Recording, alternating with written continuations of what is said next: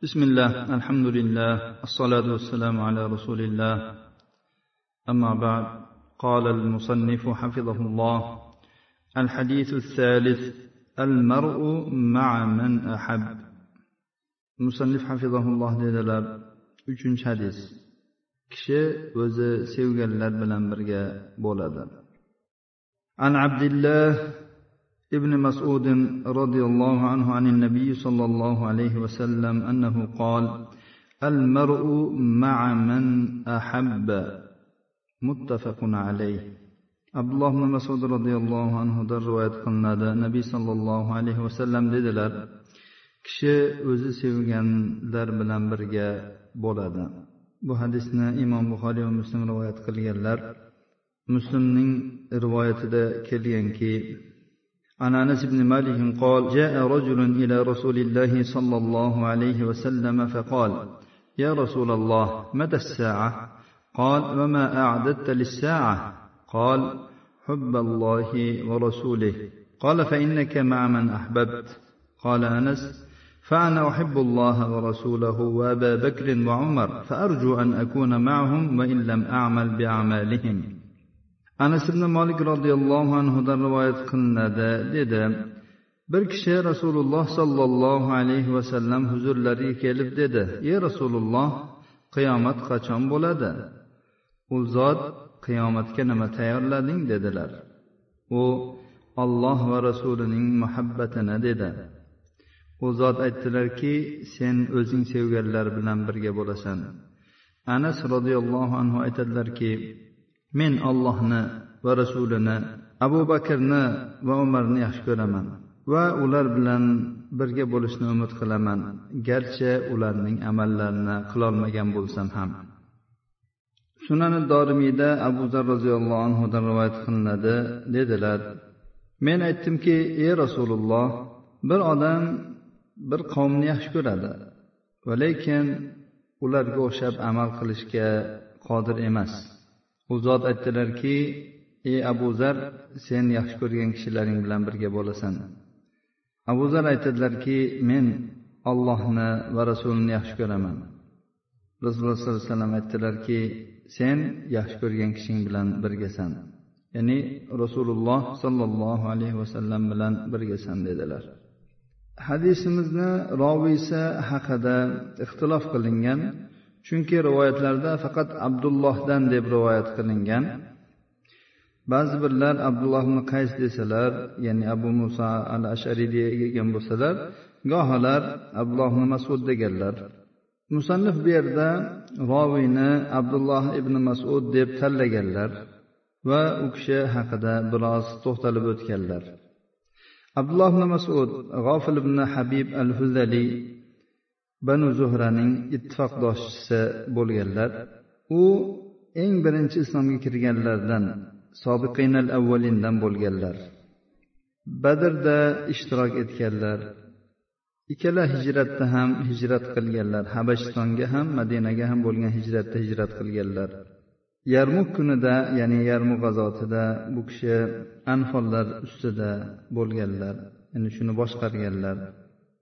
U kishining manoqiblari juda ham yaxshiliklarga boy. Abdulloh ibn masud juda ham ko'p ilmni rivoyat qilib qoldirganlar. U kishining rivoyatlari juda ham ko'p bu kuchlik rivoyatlardir. Sahihaynda imom buxoriy va muslimning sahihlarida u kishining oltmish to'rtta hadisi bor. Imom buxoriy yolg'iz o'zlari abdulloh masuddan yigirma bir hadis rivoyat qilgan bo'lsalar imom muslim o'ttiz beshta hadisni alohida rivoyat qilganlar. Qolgan roviylar qolgan ya'ni sunan ashoblarining huzurlarida ham abdulloh masudning sakkiz yuz qirqta hadislari bordir. Abdulloh masud ozg'in qorachadan kelgan anchagina qora va ikki boldillari juda ham nozik bo'lgan bir kishi edilar. Shu bilan birga u kishi zakovatli olimlardan deb hisoblanardilar. U kishi onasi bilan ham ma'ruf bo'lgan u kishini ibn umma abd ham deyilardi ibn masud otalari vafot etgandan keyin pul topish maqsadida huzayldan makkaga keladilar va u yerda uqbat ibn abi muaytni qo'ylarini boqish bilan shug'ullanadilar. U kishi qo'y boqib yurgan paytlarida ikkita odamga ro'baro kelib qoldilar. Ulardan biri boshqasiga juda ham bir shirin so'zlarni aytadi va u odam juda ham bir muloyim ajoyib odam edi. Ibn masud keyin bilsa bu ikki kishi rasululloh sollallohu alayhi vasallam bilan abu bakr roziyallohu anhu ekanlar. Ibn masud shu zahoti uqbani oldiga kelib qo'ylarini topshiradida nabiy sallallohu alayhi vasallamni izlab yo'lga chiqadi. Rasululloh sollallohu alayhi vasallamni topgach rasululloh sollallohu alayhi vasallamdan u kishidan eshitgan so'zlarni ya'ni sohibingizga aytgan so'zlaringizni menga ham o'rgating deb iltimos qiladi. Rasululloh sollallohu alayhi vasallam ibn masudga o'zlari qilayotgan da'vatni bayon qiladilar.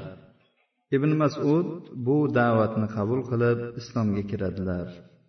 Ibn masud o'zlari haqida aytadiki men o'zimni islomga kirgan olti kishining biri deb bilardim. Ana shu paytda bizdan boshqa yer yuzida musulmon yo'q edi. Ibn ishoq yahya ibn urvat ibn zubayrdan u urvat ibn zubayrdan rivoyat qilgan asarni keltiradilar. Aytadilarki ibn masud makkada rasululloh sollallohu alayhi vasallamdan keyin eng birinchi bo'lib qur'onni ochiq oshkor qilgan kishidir. Ibn masud ikki hijratni qilgan kishilardandir. U kishining fazoillaridan biri ibn abbos aytadilarki uhud kunida rasul ya'ni juda ham holat tang bo'lib qolgan paytda hattoki rasululloh sollallohu alayhi vasallam qatl qilindilar degan xabar tarqalgan paytda rasululloh sollallohu alayhi vasallam bilan birga faqatgina to'rt kishi qolgandi. Ulardan biri ibn masud edi. Ibn masud rasululloh sollallohu alayhi vasallamdan hech ajralmasdi. U rasululloh sollallohu alayhi vasallamning ikki kavushlari misvogi va tahorat suvlarining sohibi edi. Abu muso al ashariydan rivoyat qilinadi dedilar men va ukam yamandan keldik va bir qancha vaqtgacha ibn masudni rasululloh sollallohu alayhi vasallamning huzurlariga ko'p kirib chiqqanligidan u zotning ahli baytidan deb hisob qilardik. Abdulloh ibn masuddan rivoyat qilinadi. Aytadiki alloh taoloni kitobidan qaysi bir oyat nozil bo'lgan bo'lsa albatta men u oyat qayerda nozil bo'lgan va nima haqida nozil bo'lganligini bilaman. Va yana aytganlarki men rasululloh sollallohu alayhi vasallamning og'izlaridan yetmishta surani o'qib o'rganganman. Muhammad sallallohu alayhi vasallamning ashoblari men ularning ichida allohning kitobini eng biluvchiroq ekanligimni yaxshi bilishgan. Agar men o'zimdan ko'ra alloh taoloni kitobini ko'proq biladigan odamni biladigan bo'lsam albatta uning oldiga borib ta'lim olgan bo'lardim deganlar. Abu ubayda ibn muhammad ibn ammor u otasidan rivoyat qiladi. Otasi esa bobosidan rasululloh sollallohu alayhi vasallam ibn masudning oldidan o'tib qoldilar. Ibn masud qur'on o'qiyotgandi. Shunda u zot aytdilarki kim qur'onni xuddi yangi nozil bo'lganday o'qishni xohlaydigan bo'lsa uni ibn masuddan eshitib olsin dedilar.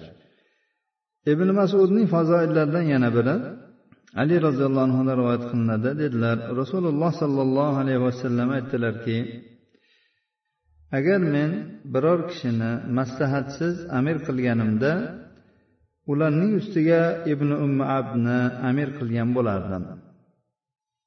Huzayfa roziyallohu anhudan rivoyat qilinadi dedilar rasululloh sollallohu alayhi vasallam aytdilar mendan keyingi kishiga abu bakr va umarga ergashinglar.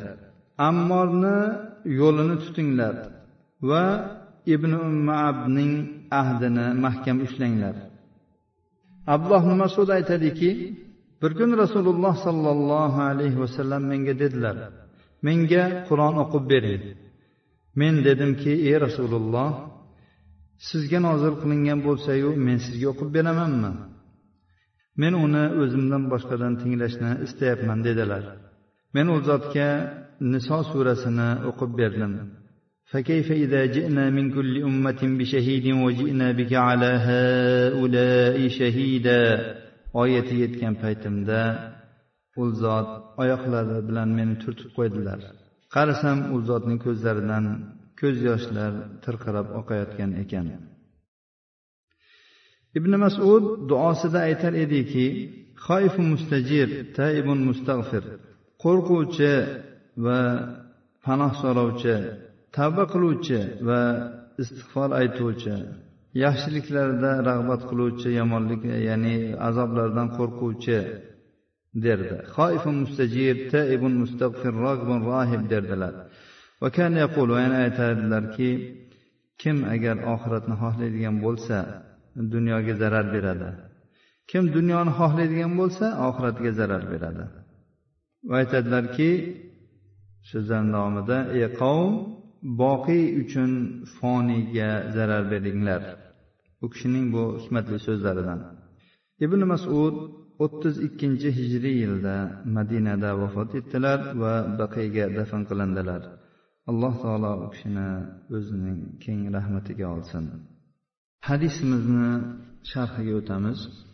Alloh taoloni yaxshi ko'rish quruq tilda aytish til bilan davo qilishning o'zi va qalbning tashnaligi bilangina bo'lib qolmaydi. Balki bunga rasululloh sollallohu alayhi vasallamga ergashish va u zotning yo'lidan yurish hayotdagi tutgan yo'llarini ro'yobga chiqarish ham qo'shilishi kerak.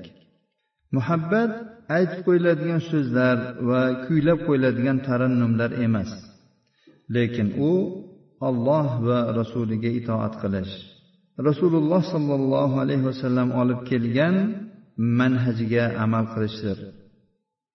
O'rtoqlik va do'stlik bu muhabbatning unvoni va fikriy va qalbiy aloqalarning faol omilidir. Uni hayot jabhalarida ochiq ta'sirlari bo'ladi. Bunga ummatning murabbiysi bo'lmish zot sollallohu alayhi vasallam ishora qilib aytganlarki kishi o'zi yaxshi ko'rgan kishilar bilan birga bo'ladi. U uchun esa kasb qilgan narsasi bo'ladi. Hadisning ma'nosi kishi o'zi yaxshi ko'rganlar bilan birga qiyomat kunida mahshargohda birga bo'ladi. U uchun muhabbatida umid qilgan ajri bo'ladi.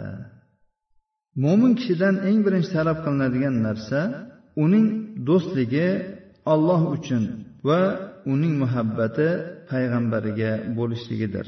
Va uning bu muhabbati uning sulukida va odob axloqlarida ko'rinadi.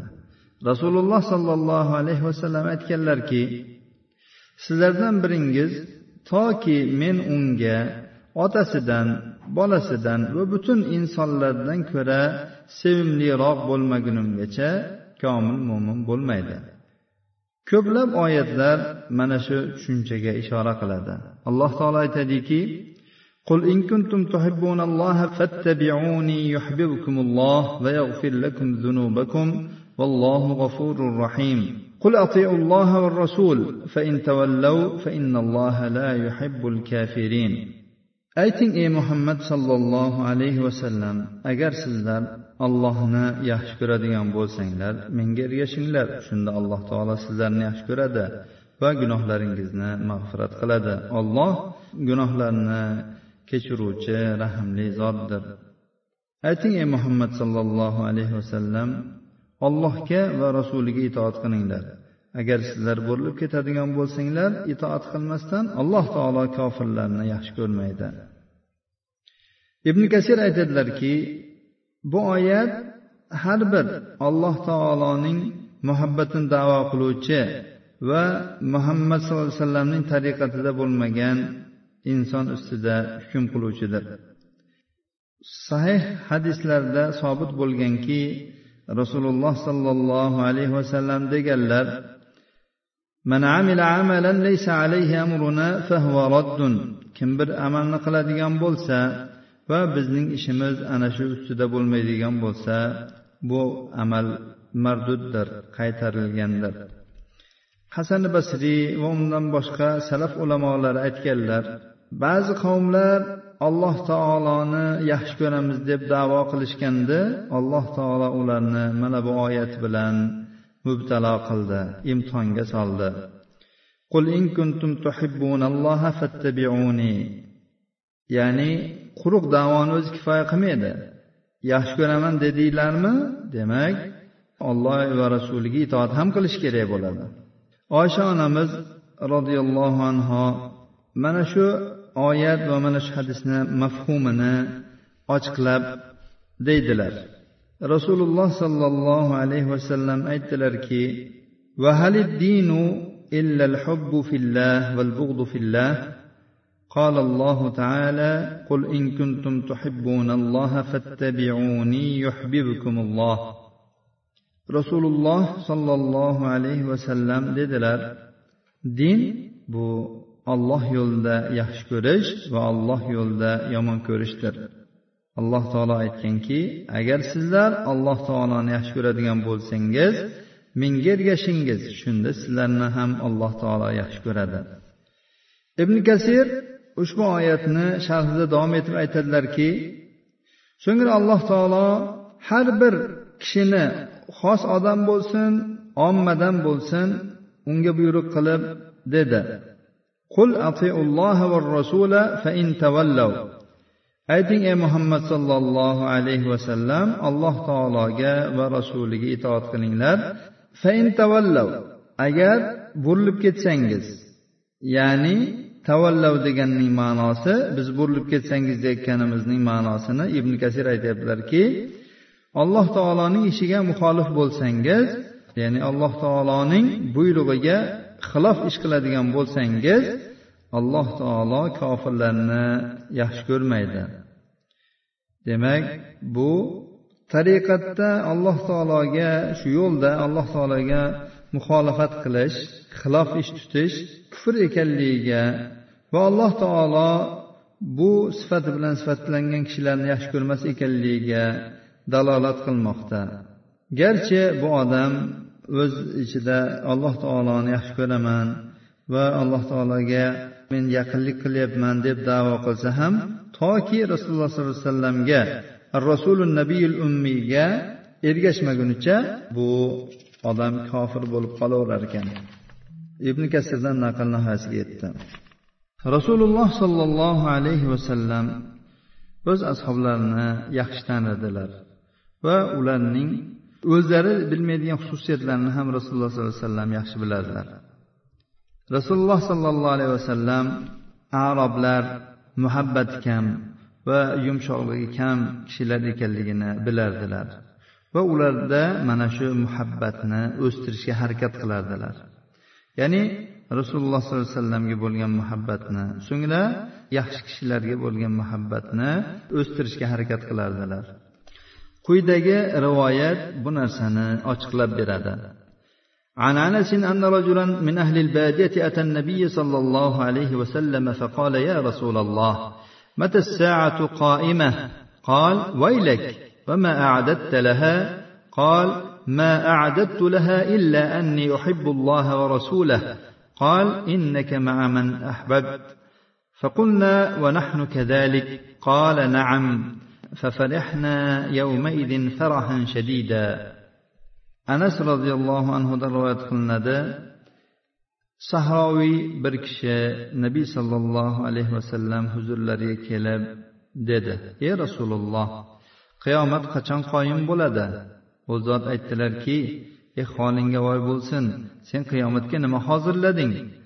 U aytdiki men ko'p narsa tayyorlamadim faqat men olloh va rasulini yaxshi ko'raman.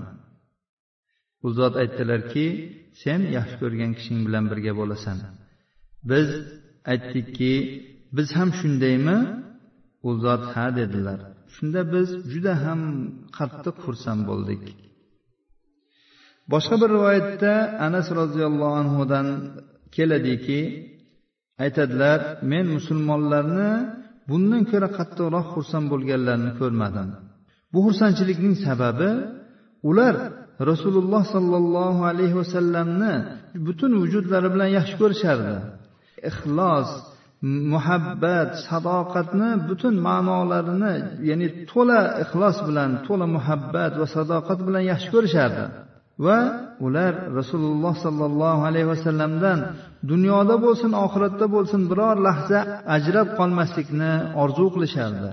Lekin bu ishni ro'yobga chiqarish ularning nazarlarida ularning tasavvurlarida juda ham qiyin ish edi. Biroq rasululloh sollallohu alayhi vasallam uni chiroyli qilib bayon qilib tushuntirib berdilar. Shuning uchun musulmonlar juda ham qattiq xursand bo'ldilar. Biz mana shu yerda rasululloh sollallohu alayhi vasallamning ashoblari bilan bir hamnafas bo'lsak va ular rasululloh sollallohu alayhi vasallamning oxiratda rasululloh sollallohu alayhi vasallam bilan birga bo'lishga ular shavq qilayotgan holatlari bilan hamnafas bo'laylik. Qarang ulardagi holat shu darajaga yetardiki ulardan bittasi rasululloh sollallohu alayhi vasallamdan ajralib qolishni tasavvur ham qilolmasdi ibn jarir aytadilarki said ibn jubayrdan rivoyat qilinadi dedilar. Ansorlardan bir kishi rasululloh sollallohu alayhi vasallam huzurlariga keldi. U juda ham mahzun edi. Shunda nabiy sallallohu alayhi vasallam unga dedilarki ey falonchi nima bo'ldi? Siz juda ham mahzunsiz. U kishi aytdiki ey nabiyulloh bir narsa haqida o'yladim. Mana shu narsa meni mahzun qildi. U zot aytdilarki nima ekan u? U aytdiki biz ertalab ham kechqurun ham sizni oldingizga kelamiz. Sizni yuzingizga boqamiz. Siz bilan birga o'tiramiz.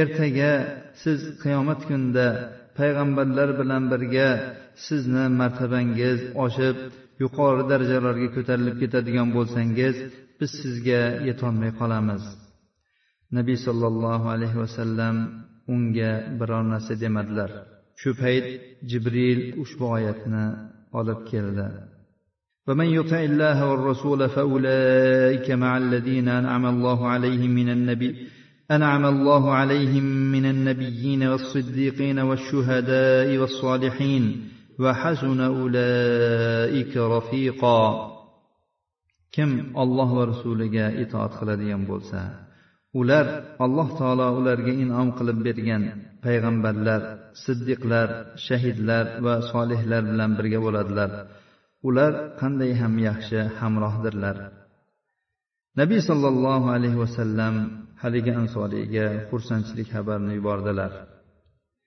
Ushbu oyatning ma'nosi kim alloh va rasuli buyurgan ishlarni qiladigan bo'lsa va alloh va rasuli qaytargan ishlarni tark qiladigan bo'lsa alloh azza va jalla uni o'zining karomat hovlisiga joylashtiradi va uni payg'ambarlarga hamroh qilib qo'yadi.